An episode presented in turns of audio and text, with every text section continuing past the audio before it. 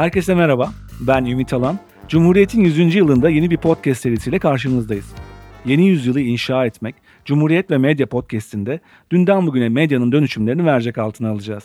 İki haftada bir pazar günleri, tarihçiler ve medya dünyasından kilit isimlerle Cumhuriyet tarihini basının dönüm noktaları üzerinden konuşacağız. Yeni bir yüzyılın eşiğinde güçlü bir demokrasi için güçlü, bağımsız ve çok sesli bir medyaya her zamankinden daha çok ihtiyacımız var. Devraldığımız yüzyıllık miras ise geleceği kurma yolunda hem örnek hem de ibret alınacak hikayelerle dolu. Cumhuriyet'in 100. yılını kutlarken bu hikayeler üzerinden adım adım bugüne gelen yolun köşe taşlarını takip edeceğiz. Amacımız ne Babali'nin eski günlerine bir güzelleme düzmek ne de Türkiye'de gazetecilik hep böyleydi deme kolaycılığına düşmek. Bunun yerine 100 yıllık tarihin kritik dönüm noktalarında basının verdiği sınavlara bakıp yeni sınavlara daha hazırlıklı girmek de mümkün.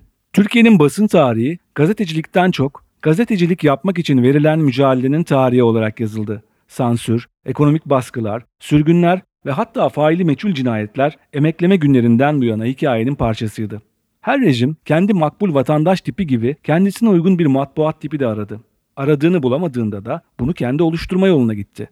Bu gelenek Türkçe gazetelerin atası sayılan takvimi vekayenin devlet eliyle kurdurulmasından başladı. Sansür 1908'de resmen kalktı ama sıkı yönetim dönemlerinde gayri resmi olarak yeniden devreye sokuldu.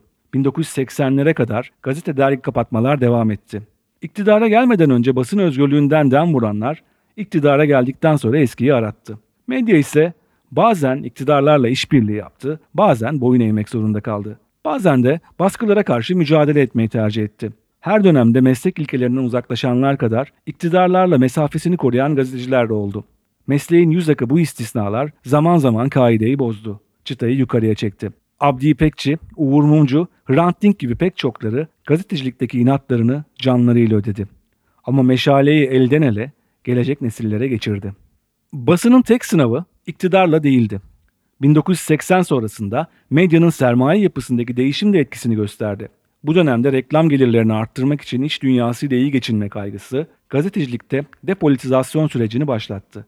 Holdingleşmeyle birlikte medya patronlarının başka sektörlerdeki çıkarları gazeteciliğin önüne geçti.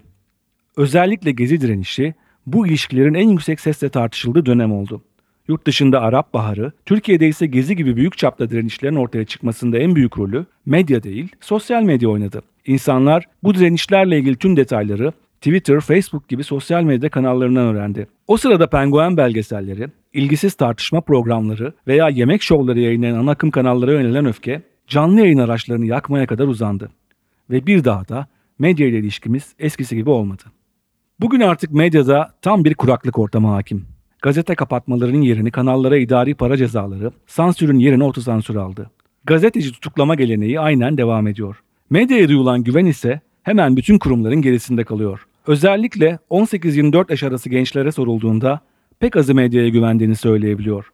Sosyal medya ise bir alternatif oluşturması için bağlanan tüm umutlara rağmen artık ifade özgürlüğünün kalesi değil.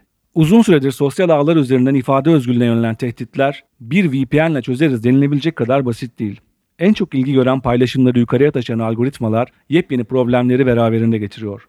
Yalanlar ve öfkeli paylaşımlar hakikate ve uzlaşma arayışına galip geliyor. Dezenformasyon yankı odalarında katlanarak çoğalıyor. Tehlikeli bulunan fikirleri yasaklamak yerine manipüle etmek kolaylaşıyor. Örgütlü troll orduları yalnızca iç siyasete değil, dış siyasete de etki ediyor. Dezenformasyon rekabeti, savaşlardan seçimlere en kritik anlarda köklenmiş çatışmalara yeni cepheler açıyor, kutuplaşmaları derinleştiriyor. Platformların ticari faaliyetleri ve devletlerle ilişkileri yeni sansür ve manipülasyon olasılıklarını da gündeme getiriyor. Peki çıkış yolu nerede? Bağımsız bir medya hala mümkün mü? Gazetecilik kendisini yeni dönemin şartlarına göre dönüştürebilir mi? Çalınan dikkatimize yeniden talip olabilir mi? Sorunları işaret etme kolaycılığından sıyrılıp çözümün parçası olabilir mi? Yeni bir yüzyılın eşiğinde yepyeni sorularla geçmişten bugüne medya. 5 Kasım'dan itibaren Aposto'da.